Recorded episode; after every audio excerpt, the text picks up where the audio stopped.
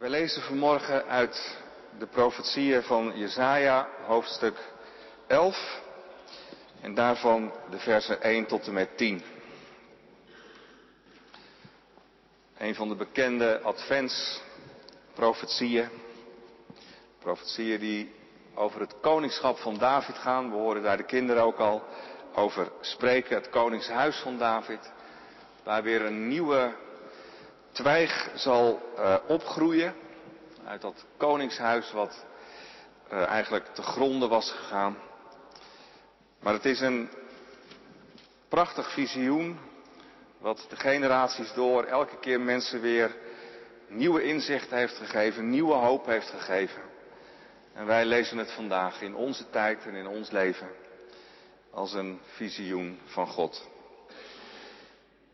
Jezaja 11, want er zal een twijgje opgroeien uit de afgehouwen stronk van Isaïe. En een lood uit zijn wortels zal vrucht voortbrengen. Op hem zal de geest van de Heer rusten, de geest van wijsheid en inzicht, de geest van raad en sterkte, de geest van de kennis en de vrezen des Heren. Zijn ruiken zal zijn in de vrezen des Heren. Hij zal niet oordelen naar wat zijn ogen zien. Hij zal niet vonnissen naar wat zijn oren horen. Hij zal de armen recht doen in gerechtigheid. En de zachtmoedigen van het land zal hij met rechtvaardigheid vonnissen. Maar hij zal de aarde slaan met de roede van zijn mond. En met de adem van zijn lippen zal hij de goddelozen doden. Want gerechtigheid zal de gordel om zijn heupen zijn. En de waarheid de gordel om zijn middel. Een wolf zal bij een lam verblijven. Een luipaard bij een geitenbok neerleggen. Een kalf, een jonge leeuw en gemest vee zullen bij elkaar zijn. Een kleine jongen zal ze drijven. Koe en berin zullen samen weiden. Hun jongen zullen bij elkaar neerliggen. Een leeuw zal stro eten als het rund. Een zuigeling zal zich vermaken bij het hol van een adder. En in het nest van een gifslang zal een peuter zijn hand steken. Men zal nergens kwaad doen of verderf aanrichten op heel mijn heilige berg. Want de aarde zal vol zijn van de kennis van de Heer, zoals het water de bodem van de zee bedekt. Want op die dag zal de wortel van Isaïe er zijn. Die zal staan als banier voor de volken. Naar hem zullen de heidenvolken vragen. Zijn rustplaats zal heerlijk zijn. Tot zover de lezing voor deze morgen. Het uh, thema voor de verkondiging is dienstbaar zijn aan Gods nieuwe wereld die komt.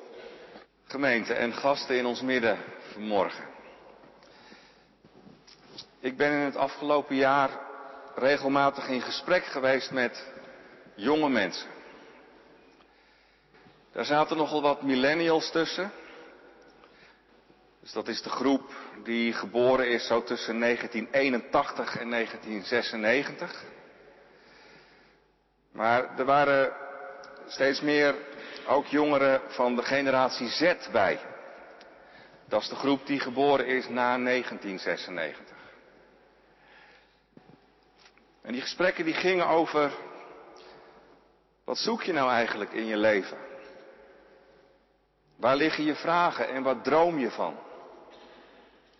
Ik deed die gesprekken in het kader van een onderzoek dat we vanuit de protestantse kerk in Amsterdam zijn gaan doen naar hoe eigenlijk die hele wereld van zingeving in Amsterdam op dit moment in elkaar zit en hoe mensen zich daar ook in bewegen. Hoe ze zoeken en wat ze zoeken en wat ze dan hopen te vinden. Nou, het waren nog niet superveel gesprekken, maar wat ik hoorde was wel uitermate interessant. Wat mij alleen al op grond van deze gesprekken duidelijk werd, dat is dat er een generatie aankomt die echt anders denkt en droomt en voelt en doet en gelooft dan mijn generatie. En wat ik hoorde, dat werd ook bevestigd in een boek wat ik tegenkwam over die generatie Z. En dat heet, een sprekende titel, Verlangen naar verandering. Die generatie van na 96, die verlangt enorm naar verandering. En dit is wat ik ongeveer hoorde in die gesprekken. En ik geef het eens even ook gewoon maar vast mee. In deze tijd van advent waarin we worden gevoed in ons verlangen naar verandering, naar wat komen gaat. Ik hoorde heel veel verlangen, zeker bij die jongste generatie, naar een andere, naar een betere wereld. Tegen de achtergrond van hele grote zorgen die jongeren zich maken over dingen als milieu en dierenwelzijn. Verschillende van degenen die ik sprak waren er ook diep van overtuigd dat het hele oude denken, wat mij mijn generatie mede heeft aangejaagd, over economie, over politiek en over consumptie, maar ook over de kerk, dat het eigenlijk zo goed als failliet aan het gaan is. Ze hadden daar echt een stevige mening over. Wat maakten ze, en dat vond ik ook zo apart, niet passief of moedeloos. Die jonge generatie die is juist heel erg strijdvaardig. Zeker die jongeren van na 1996, van generatie Z, die zijn niet vies van een beetje activisme. Van het type Greta Thunberg. Van het type Malala Yousafzai, de Pakistaanse activiste voor gelijke kansen in het onderwijs. Die een aanslag van de Taliban op school overleefde en later de Nobelprijs won. Van de 19-jarige Emma Gonzalez, die na een schietpartij op een school in Florida, waarbij 17 scholieren overleden, een van de kopstukken werd van de lobby voor strengere wapenwetten. En wat me ook duidelijk werd in die gesprekken, het is even een beetje een lange inleiding, maar ik hoop zo duidelijk te maken waarom.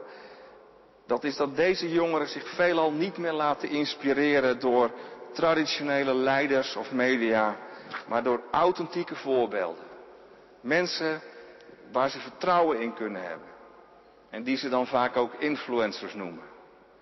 Het loopt allemaal niet meer langs die lijnen van instituten en oude instituties, maar het gaat allemaal veel organischer, veel meer van onderaf. Via netwerken, via kleine groepen. En zo beweegt dat dan. Ik moet zeggen dat die gesprekken me enorm geraakt hebben.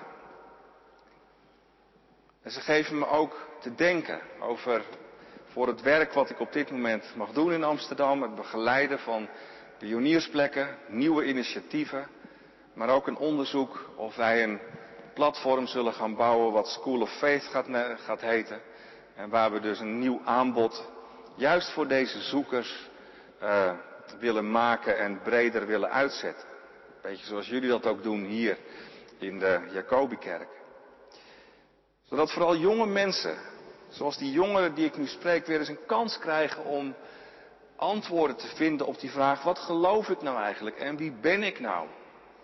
En wat heb ik te doen in dit leven? En we zien het natuurlijk allemaal gebeuren. Steeds meer jongeren die zien niet zo, die lopen niet meer zo heel erg warm voor, voor hele sterke gemeenschappen. Maar ze zoeken wel inspiratie. Ze zoeken naar dingen waar ze echt in kunnen geloven. En het was mooi, ik, ik, we hadden een paar van die soort stellingen die we dan ook aan mensen voorlegden. Van, van komt dit nou een beetje overeen met je verlangen? En waar ze eigenlijk het meest op aansloegen tot nu toe, dat was de Engelse versie van het thema wat ik voor deze dienst ook heb gekozen. Serving God's New World to Come. Dienstbaar zijn aan een nieuwe wereld, aan Gods nieuwe wereld die komt. Daar horen ze een belofte in en een aansporing om ook in actie te komen. Nou, en toen las ik Jesaja 11 in de adventstijd.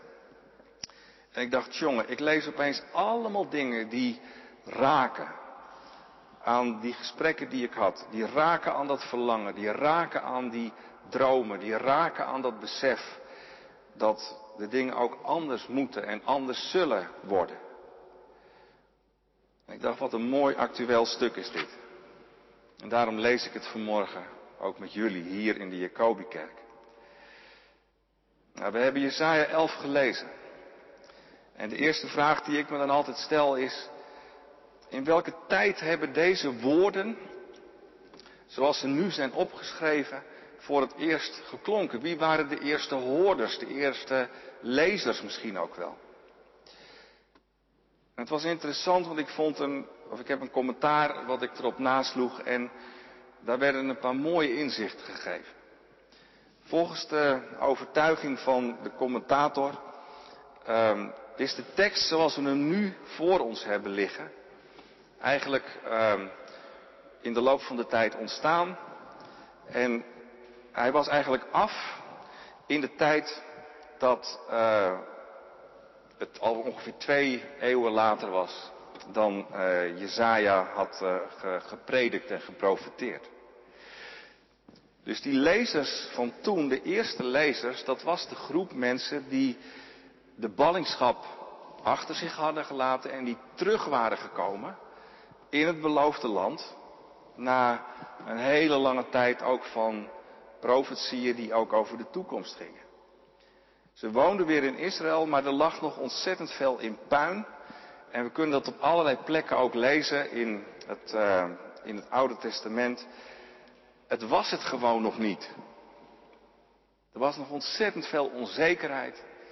En die grote verwachtingen die ze hadden gehad over de terugkeer, ja, ze waren toch eigenlijk nog een beetje een teleurstelling geworden. Zo gaat dat, hè, als dingen via grote verwachtingen gaan. Ik weet niet of ze zich gevoeld hebben zoals de fans van Badr Hari gisteravond, maar ook veel verwachtingen en dan pats, is het er toch niet. Nou, er was heel grote verdeeldheid over de toekomst, schrijft die commentator. En over hoe die zou komen. Sommigen die zeiden we moeten op Assyrië vertrouwen. Anderen zeiden nee joh, we moeten op Egypte vertrouwen. En weer anderen zeiden nee nee, we moeten op Medië vertrouwen. Er waren ontzettend grote vragen over de identiteit van het Joodse volk. Hoe kunnen we die identiteit bewaren en voeden? En er was geen koning meer. Dus er werd gestreden om de politieke macht. Door allerlei groepen. De priesters van de tempel die zeiden er moet een theocratie komen. De monarchisten die zeiden nee nee, er moet een koning komen. Er waren ook syncretisten die voegden allerlei religieuze en filosofische stromingen bij elkaar en die zeiden hier moeten we op koersen. Er waren apocalyptische eindtijddenkers die riepen jongens het is vijf voor twaalf. En er waren natuurlijk ook zeeloten die met radicale actie de toekomst wilden forceren. Zo beschrijft de commentator de tijd waarin deze tekst klonk. En ik las dat lijstje, het commentaar is inmiddels twintig jaar oud, en ik dacht, hmm, dat klinkt redelijk bekend. Wij leven in een verwarrende tijd. Maar wat dachten we van de vijfde, zesde eeuw voor Christus? En zoveel thema's van toen zijn ook de thema's van nu. En wij, wij hebben ook dus de visioenen nodig. Die ons de weg wijzen, die ons vertrouwen voeden. Dat het nog goed kan komen. Die ons het een hoop geven op de toekomst. En ons op de juiste manier in beweging zetten. En deze woorden van Jezaja zijn woorden die daarvoor bedoeld zijn. Ze kunnen tot ons hart spreken, zeker ook tot het hart van jonge mensen die weer in beweging aan het komen zijn. Maar die ook wel zoeken, wat is het perspectief dan? Zullen we eens even naar het visioen kijken? Eigenlijk zitten er drie scènes in, of drie, drie kanten. Wat die hele verdeelde groep mensen in Jeruzalem voor ogen geschilderd krijgt, is allereerst dat het afgestorven koningshuis van David een nieuwe telg zal voortbrengen. Dus je zou kunnen zeggen, de monarchisten die kunnen opgelucht ademhalen, maar ze zullen ook totaal verrast worden. Want deze nieuwe koning die beschreven wordt, die heeft karaktereigenschappen, nou daar heeft nog nooit een aardse koning aan kunnen voldoen. Neem alleen al de beschrijving van vers 2. De geest van de Heer zal op hem rusten. Een geest van wijsheid en van inzicht. Een geest van kracht en van verstandig beleid. Een geest van kennis en van eerbied voor de Heer. Hij draagt gerechtigheid als een gordel, staat er in vers 5. Om zijn lendenen en trouw als een gordel om zijn heupen. Dat is het type koning, het type leider waar mensen de eeuwen door natuurlijk naar verlangd hebben. Je zal maar zo'n koning hebben. Dat is ook het type leider waar jongeren vandaag weer naar verlangen. Maar waar ze ook vaak in teleurgesteld worden. Het is dan ook duidelijk dat deze koning niemand anders kan zijn dan de beloofde Messias. De koning met eigenschappen waaraan uiteindelijk alleen Jezus, de Zoon van God, voldaan heeft. Geen stammenkoning, een tribale koning, geen nationalistische koning, maar een koning voor alle volken, die de eigenschappen draagt, zoals ze hier beschreven staan, die de eigenschappen draagt van God zelf. Zo hebben de volgelingen van Jezus en de schrijvers van het Nieuwe Testament Jezus herkend in die oude profetie van Jezaja. En ze werden door de geest overtuigd, dit is hem. Maar dan zien we het beeld verschuiven. Van de koning naar het rijk dat onder zijn regering zal ontstaan. Het is een Geweldig mooi beeld natuurlijk wat ons voor ogen wordt geschilderd. Moet je kijken, dan zal een wolf zich neerleggen naast een lam. Een panter vlijt zich bij een bokje neer. Kalf en leeuw zullen samen weiden en een kleine jongen zal ze hoeden. Een koe en een beer grazen samen. Hun jongen liggen bijeen. Een leeuw en een rund eten bij de stro. Bij het hol van een adder speelt een zuigeling. Een kind graait met zijn hand naar het nest van de slang. Niemand doet kwaad, niemand sticht onheil op heel mijn heilige berg. Tja, dit is natuurlijk niks minder dan een totaal nieuwe schepping. Waarin mensen en dieren, vee en roofdieren tegelijk, vreedzaam naast elkaar leven en liggen. En waar de stikstofdiscussie blijkbaar ook verstomd is. Het is een beeld wat ontzettend moeilijk voor te stellen is. Maar als jullie op de weekbrief kijken, dan zie je een schilderij van de Amerikaanse schilder Edward Hicks. Die probeerde het in zijn schilderij A Peaceable Kingdom uit te beelden. Nou zeg ik schilderij, maar ik moet zeggen schilderijen. Want hij schilderde maar liefst 62 versies van dit tafereel. Zo onmogelijk was het voor hem om dit visioen van Jezaja in een beeld te vangen. Google hem maar eens, dan kun je er een heleboel terugvinden. Allemaal variaties, net weer een ander perspectief. Hij bleef er maar naar kijken, deze Hicks. Maar hij besefte, dit visioen is zo krachtig dat het tot ieders hart moet spreken. Om zo geloof en vertrouwen in de toekomst te wekken. Daar zijn we naar op weg. En dat brengt me dan ook meteen bij het derde. Ik kom zo nog even op de schilderij terug trouwens.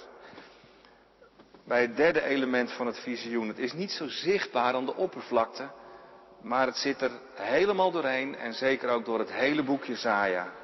En dat is het woord vertrouwen. Dat boek Jezaja, dat roept niet op tot radicale actie. Zoals de zeeloten dat voorstonden. Maar juist tot een rustig vertrouwen in God dat Hij zijn Messias zal zenden, door wie het koninkrijk van de vrede komen zal. En dat visioen, dat biedt niet alleen maar hoop voor het eigen volk, voor dat Joodse volk wat teruggekeerd was en zo worstelde met zijn identiteit, maar voor alle volken van de aarde. Het is niet een beperkte belofte voor één bevoorrecht volkje, nee, het is een belofte voor de hele schepping. En de kennis van God zal de hele aarde bedekken, zoals het water de bodem van de zee staat er aan het eind. En wat dit visioen vooral wil voeden is hoop en vertrouwen op een nieuwe wereld, die niet minder zal zijn dan een herschepping van de oude. En het geloof dat deze nieuwe wereld eerst en vooral een vrucht zal zijn van de regering van de Messias. Het is dus niet een vertrouwen op aardse machten of op groepsidealen, maar het is een geloof in wat God zal geven in zijn toekomst door middel van de gezalfde die hij zal geven. Het is een oproep. Leef vanuit dat vertrouwen. Dat is de hele kern van het boekje Zaaien. Nou, nou zitten hier jonge mensen, gelukkig. Als jij nou een millennial bent, of je bent er eentje van de generatie Z, van de Greta Thunberg generatie dus, dan denk je nu, kom op Jezaja, dat is veel te passief. We hebben veel meer actie nodig. Anders komt die nieuwe wereld er nooit. Of je denkt, ja ja, door dat valse vertrouwen dat het allemaal wel goed komt, zijn we nu zo in de problemen gekomen. En blijft er van dat hele mooie plaatje van die leeuw die bij dat lam ligt niks over, want straks zijn er geen leeuwen meer en lammeren mogen niet meer. Of je denkt misschien, het is allemaal gewoon al veel te laat, er is niks meer aan te doen. Ja, dat brengt ons dus bij, de vraag, wat moeten we dan doen? Van welke generatie we ook zijn. Waar mogen we op hopen? Waar worden we nou eigenlijk toe geroepen? Ook door deze tekst. Ik bedacht op grond van wat ik allemaal las en proefde bij Jezaja van in dit uh, visioen een paar dingen. Ik zou tegen alle jongeren die verlangen naar hele radicale actie willen zeggen, vergeet het geloof en het vertrouwen niet. Dat Gods nieuwe wereld uiteindelijk niet door ons gemaakt wordt, maar dat die op een of andere manier ook echt gegeven zal worden. Activisme is goed, het is nodig ook. Ik vind het fantastisch dat er een jonge generatie opkomt die opstaat, maar het is niet alles. Neem de last van die nieuwe wereld nou niet op je eigen nek. Maar geloof dat God zelf een plan heeft voor deze wereld. Dat zeggen we hier in de kerk tegen elkaar.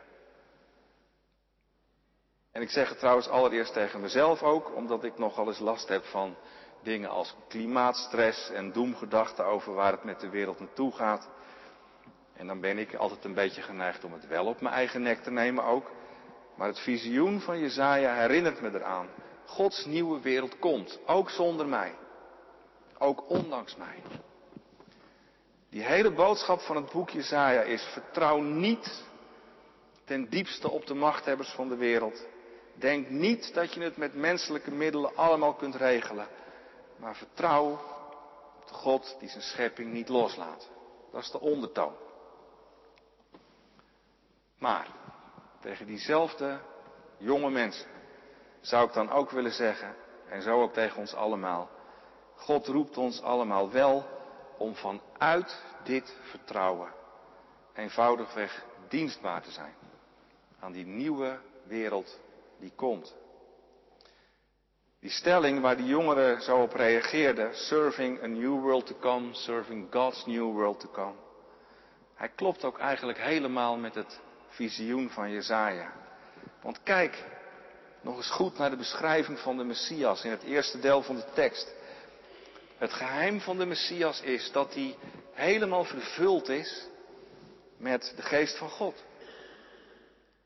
En met die geest is hij gezalfd. En dat geeft hem richting. Dat geeft hem inspiratie. Dat geeft hem de kracht en alles wat hij nodig heeft om zijn koningschap uit te oefenen. Maar wat is er met Pinksteren gebeurd? Juist, toen heeft God diezelfde geest uitgegoten over alle vlees, over alle mensen. In Handelingen 2 haalt Petrus een andere profetie aan die zegt, aan het einde der tijden, dan zal ik over alle mensen mijn geest uitgieten. En dan, dan zullen jullie zonen en jullie dochters profeteren. Jongeren zullen visioenen zien. Ah, dat gebeurt. Maar niet alleen zij. De oude mensen zullen droomgezichten zien.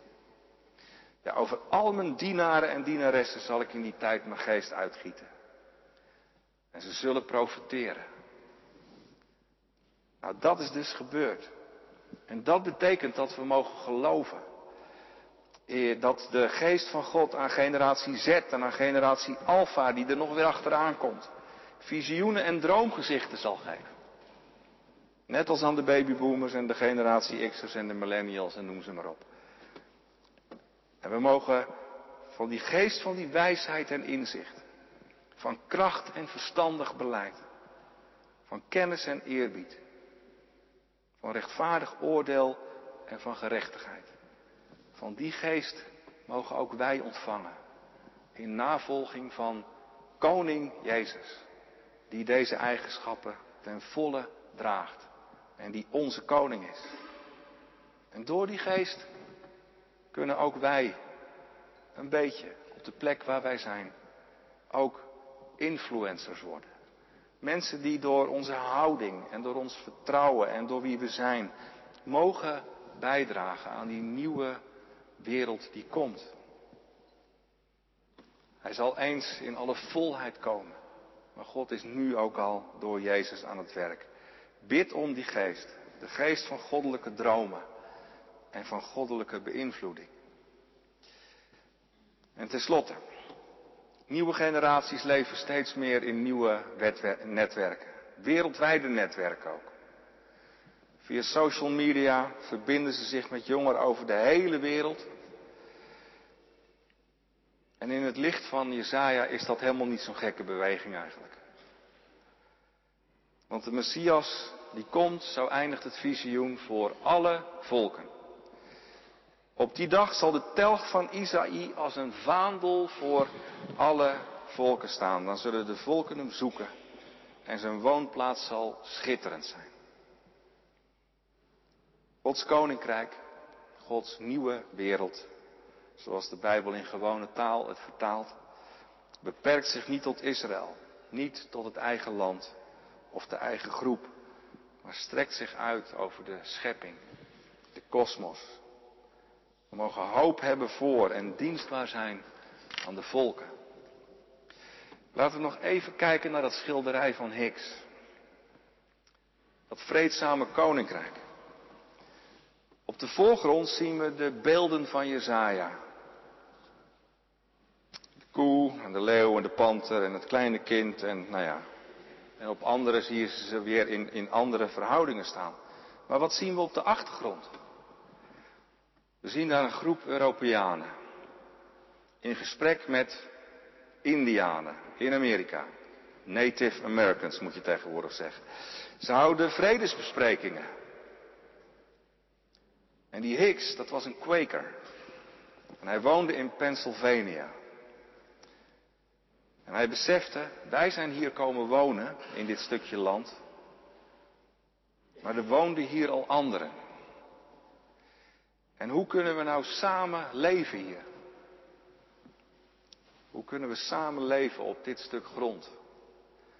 En de boodschap van het schilderij is, het visioen van Gods nieuwe wereld die komt, geeft ons de roeping om er in deze wereld al uit te leven. Op de plek waar je bent, op de plek waar je woont.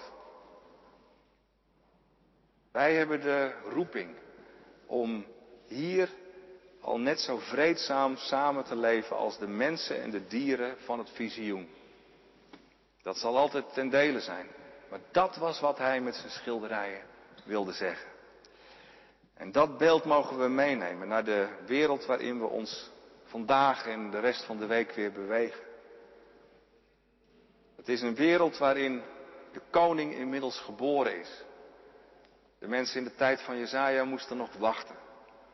Zij hadden, hebben de geboorte niet meegemaakt. Maar ze werden wel door het visioen voortgedreven.